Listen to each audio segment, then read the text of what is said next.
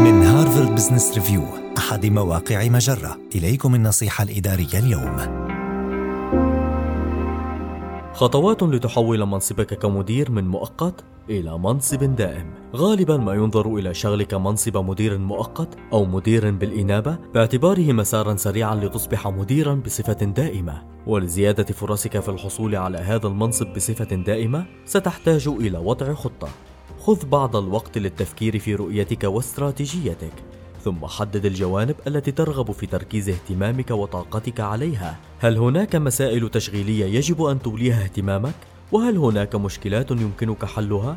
فهدفك هو إثبات كفاءتك من خلال تحقيق بعض الإنجازات في وقت مبكر.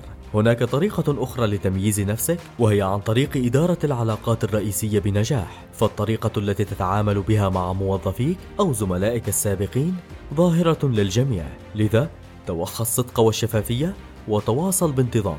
كن متعاونا. ولا تلجأ إلى أسلوب إصدار الأوامر. لا تنجر إلى أي مشاحنات في مكان العمل وحاول أن تبقى على الحياد قدر الإمكان. ومهما كان ما تؤديه لا تبالغ في ممارسة صلاحياتك. هذه النصيحة من مقال كيف تثبت جدارتك كمدير مؤقت؟ النصيحة الإدارية تأتيكم من هارفارد بزنس ريفيو أحد مواقع مجرة. مصدرك الأول لأفضل محتوى عربي على الإنترنت.